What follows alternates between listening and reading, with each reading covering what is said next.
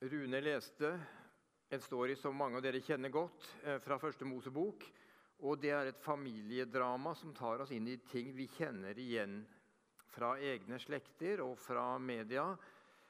Vi hører om splittelse i familien, favorisering. Vi hører om utfrysning og mobbing. Om menneskehandel, for å bruke et moderne uttrykk. De solgte jo Josef, broren sin. Og vi hører om å være ensom innvandrer i et nytt land. Og så aner vi noe om bearbeiding av traumer og bitterhet og ensomhet hos Josef sjøl. Og her i denne teksten ser vi noe av hva som kan gå galt i en familie når foreldre ikke er fair mot sine barn. Jeg har tre sønner, og Da de vokste opp, var det veldig viktig at foreldrene er fair og ikke gjør forskjell på folk. Og I første Mosebok så husker dere at det, slik var det ikke, heller ikke i den eh, familien far Jakob kom fra. I Kapittel 25 står det om foreldrene Isak og Rebekka, som fikk tvillinger Esau og Jakob. Og Isak elsket Esau og hadde han som god gutt. Og mor Rebekka elsket Jakob og hadde han som god gutt. Det er oppskrift for splittelse i familie og slekt. Og så husker dere at det ble eh, hat og fiendskap, og man jukset til seg litt i det ene og det andre, og førstefødselsretten og arven. Og Esau legger broren for hat, og broren må flykte for å overleve. Så husker dere også at eh, etter mange rare veier er Jakob på vei tilbake, skal møte sin bror, og først må han kjempe med Gud for å kanskje forsones med Gud og med seg selv, den luringen som har gjort snikvei hele livet. Og Så møter han Esau, og Esau er storsinnet, og de omfavner hverandre. Og um, Det står ikke helt tydelig, men jeg tror nok at Jakob ba sin bror om tilgivelse. Jakob fikk forsone seg med Gud og med sin bror, men han bar fortsatt med seg skeive mønstre, for han favoriserer akkurat som han hadde sett hos sine foreldre. Bibelen sier noe om at uh, fedrenes synd kan gå igjen i tredje og fjerde ledd. og Her går det igjen i hvert fall to ledd. Heldigvis er Guds miskunn større og sterkere, slik noen av oss fikk se da vi satt sammen med innvandrere i går. Guds miskunn kan bryte vonde ting fra ett og to familieledd. Men så leste Rune fra Moseboken at Jakob han elsket Josef mer enn de andre. Han var ikke fair, han sviktet. Det var ikke det som var Guds kall til han, å gjøre forskjell på sine tolv sønner. Paulus sier i Feserbrevet at Gud han er Faderen, jeg bøyer mine knær for ham, han som er opphav til alt som heter familie i himmel og på jord. Som jordiske foreldre så avspeiler vi Gud. Og en, på sitt beste så er en jordisk far og en jordisk mor de er reflekser av Gud. Den himmelske far, den, vår himmelske moderlige Fader, som er opphav til alt som kan kalles familie. Og Som en engelsk oversettelse sier det han, Gud er opphav til alt som kan kalles familie i himmel og på jord. Jakob sviktet, og det blir utfrysning og forkastelse og mobbing og menneskehandel, og Josef må gå sin ensomme vei. Blir solgt og havner i Potifars og Potimors hus i Egypt. Og Så står det i eh, to kapitler seinere at Gud velsignet Josef i alt han hadde fore. Og han vant godhug både hos Potifar og etter hvert når han også kommer i fengselet. Gud velsignet Josef der han går. Jeg tror ikke Gud får velsignet en som går fylt av hat og bitterhet og er eitrende sint og bitter på sine brødre da tror jeg ikke Gud har så mye sjans til å komme inn og velsigne og la en mann finne yndest for alle rundt og velsigne hele Potifars hus. Så i det aner jeg et vitnesbyrd om at Josef han hadde allerede gått en vei hvor han hadde bedt Gud lege sine sår. Hvor han hadde fått bearbeide sin bitterhet og sine traumer.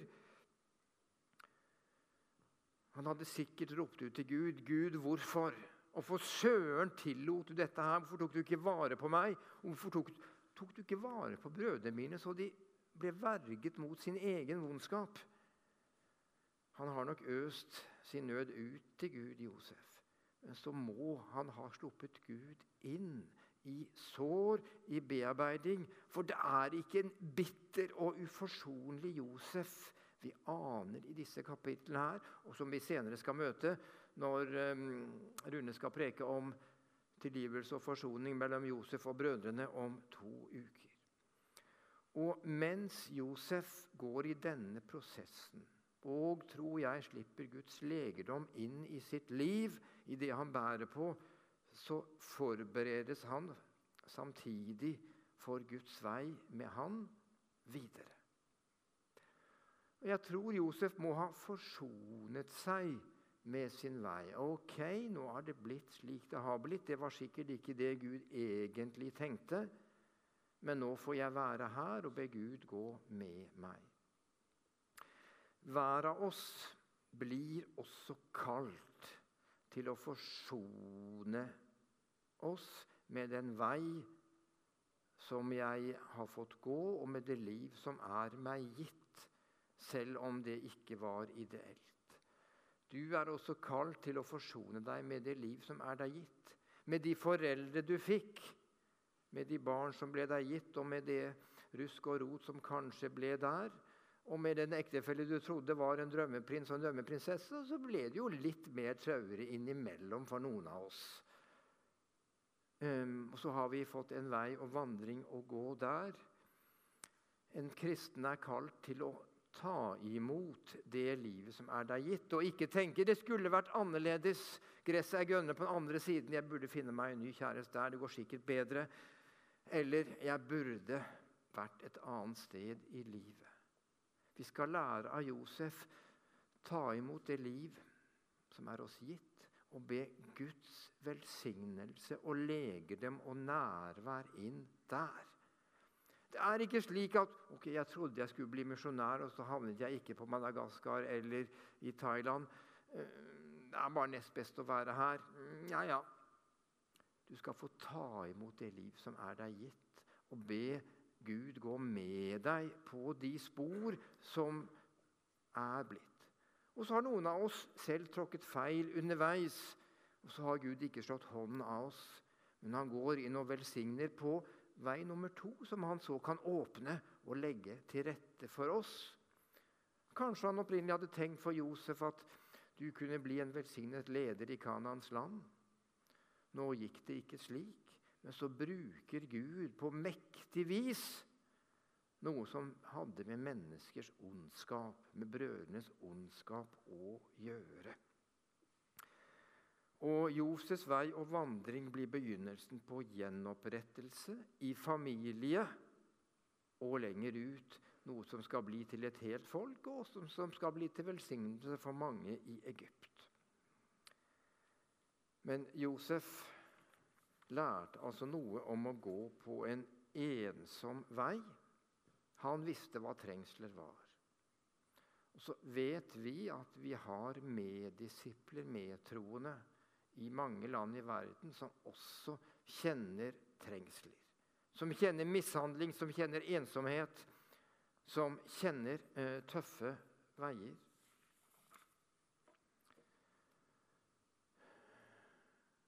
to søstre i Jordan som hadde funnet Jesus. Var med i et undergrunnshusfellesskap. Og da faren av underlige veier får høre det, så blir det denging, det blir mishandling, det blir husarrest og det blir tvangsgifting bort til to gode unge muslimske gutter. Det er disipler som går trengselens vei i dag også. Og Nå har jeg lyst til å ta dere med til noen eh, disipler i Orienten.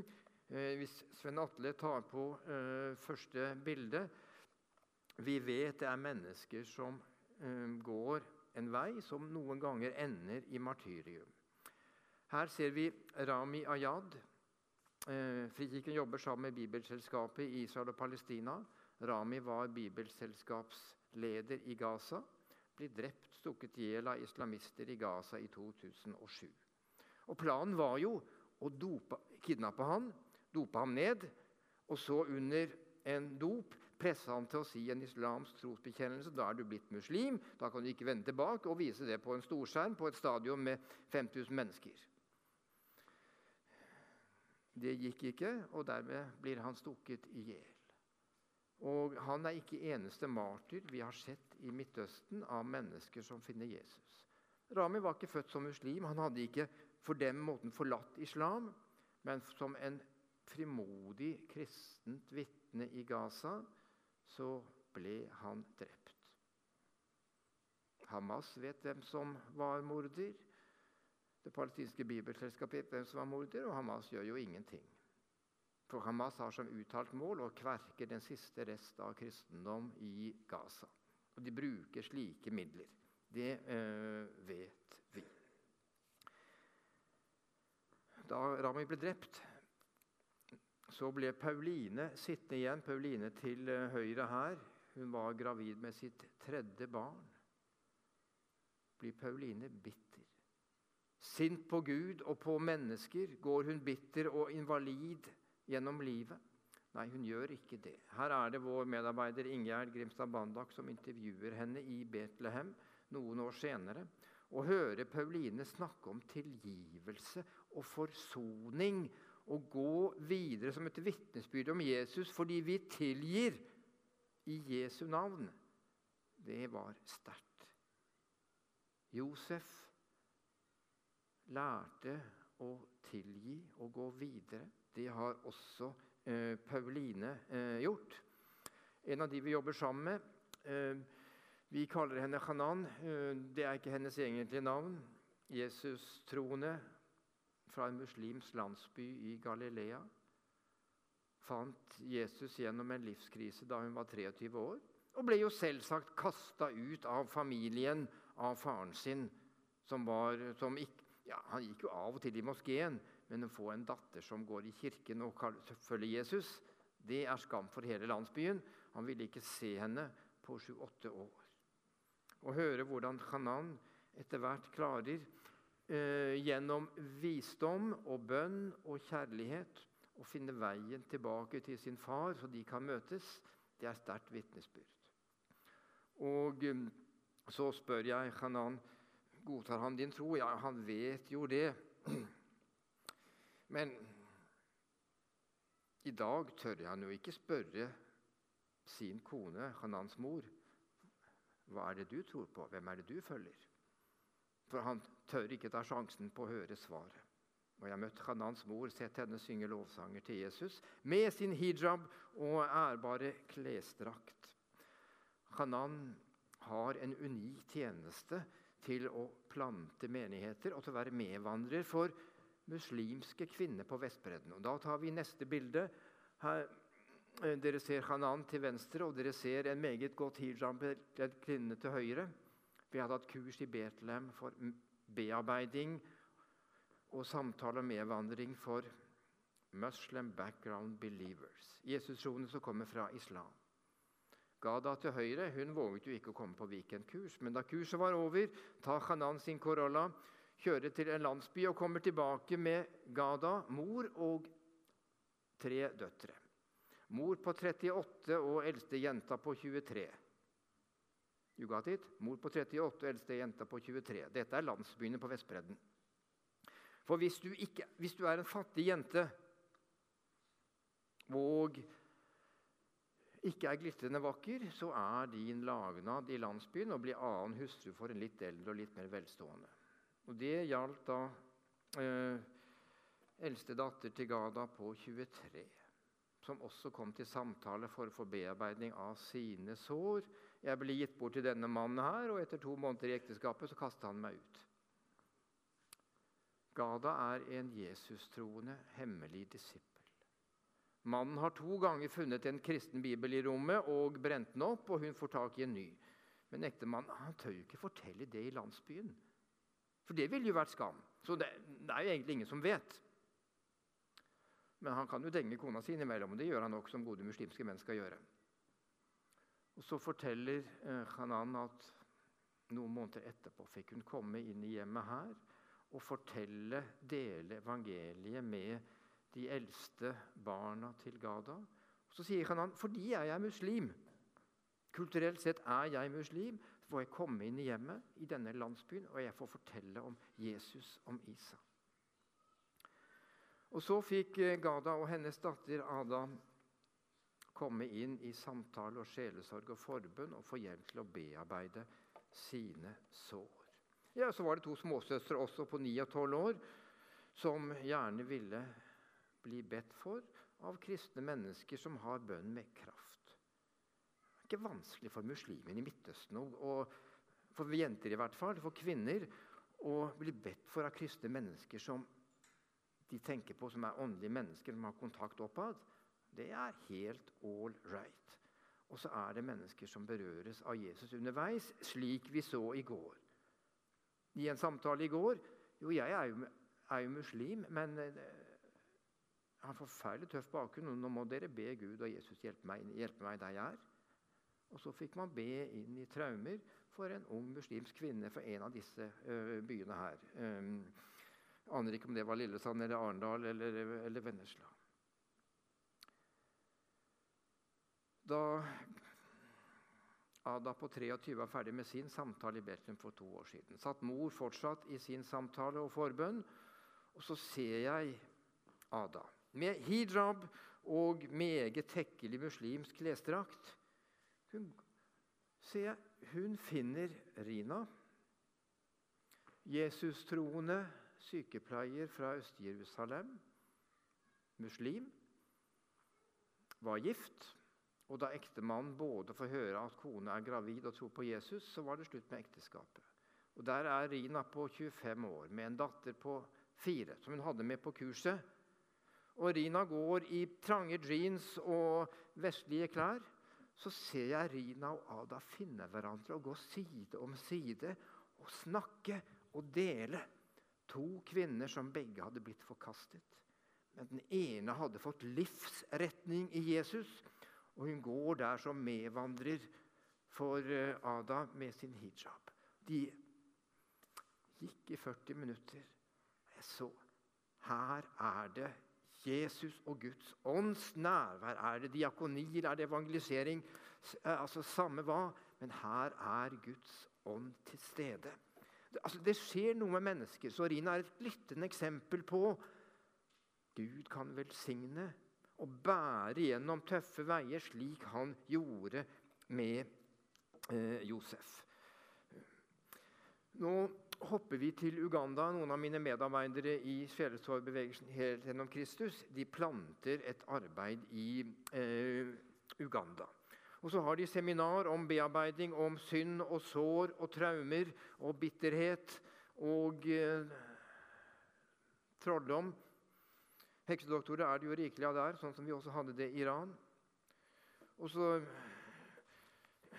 Problemet nå i januar, da de hadde siste seminar Vi må sette et tak på 1200. Vi kan ikke ha plass til flere, men det, ja, ja, det kom 1350. Eh, for her kan vi få hjelp til å ta evangeliet og synstilgivelsen og legedommen inn i våre liv. Og Her ser det Catherine. Eh, for to år siden eh, var hun på sitt første seminar og fikk komme til samtale. Catherine var da 31 år. Hun gråt hver dag, orket ikke livet. Far forlot familien da jeg var nyfødt. Og etter seks år så orket ikke mamma eh, lenger heller, og hun ga meg bort til, et barnehjem. Og Så ble det mishandling og sår og, og mye rart videre. Jeg har hele mitt liv hatet min far for at han forlot mor og meg, og jeg ikke fikk noen far. Men så var jeg på seminar for to år siden, og så lærte jeg både om å få Guds legedom inn i mine sår, og at Gud tilgir meg, og så er jeg kalt til å tilgi. Så satt jeg der sammen med en sjelesørger, og så valgte jeg å tilgi min far. Jeg, jeg velger å ville det selv om det sitter så vondt.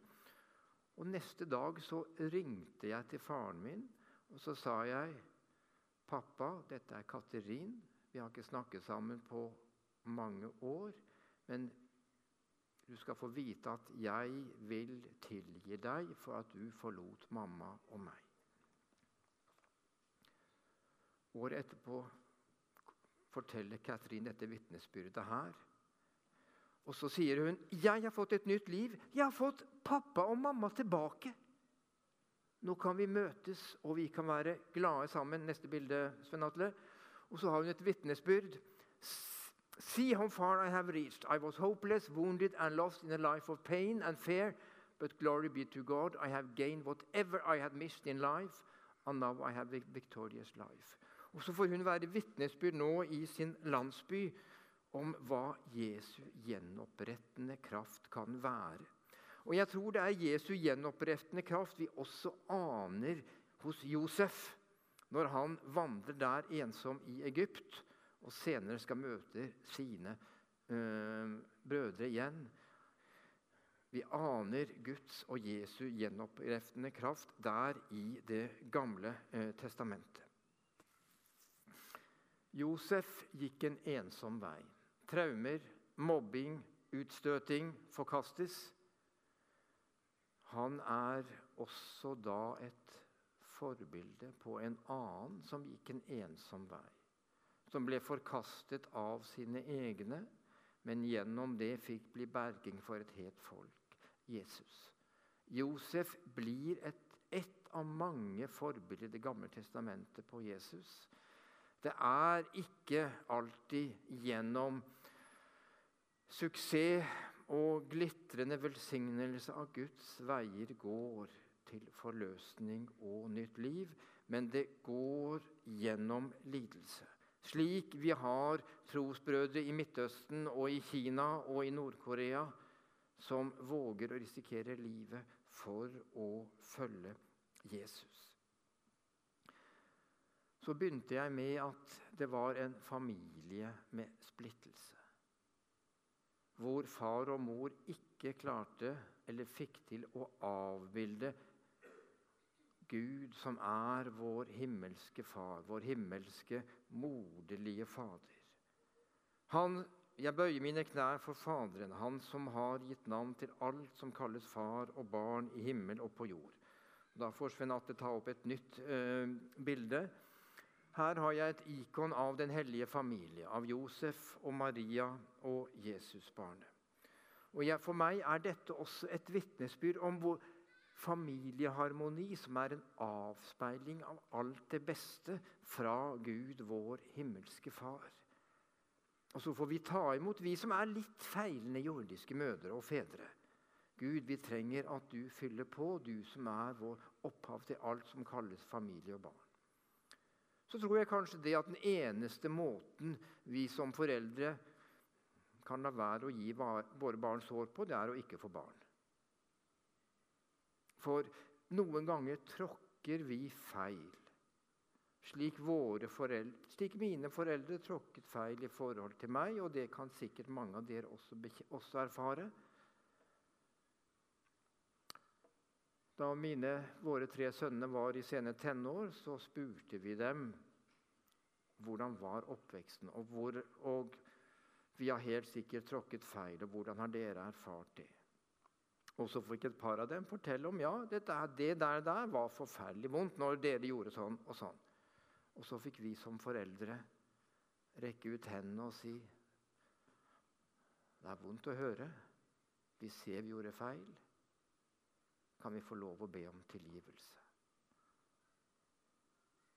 Og så kunne det bli forsoning i familien, og vi kunne gå videre med en annen basis. Josef er et bilde på forsoning i familien. Å få ta imot Guds gode krefter. Så har jeg lyst til å ta et par eh, ikoner til. Du tar neste, Sven Atle. Eh, Madonna og Jesusbarnet Dette her ømhetens moder. Her viser Maria med Jesusbarnet noe av det beste som en mor og en far kan være ømhet og ta imot helhetlig. Og så Neste bilde, som er ganske originalt ikon, det er et koptisk ikon hvor det er far Josef som går og bærer sin sønn eller stesønn Jesus. Og så ser vi her harmoni, og vi ser det blomstrer.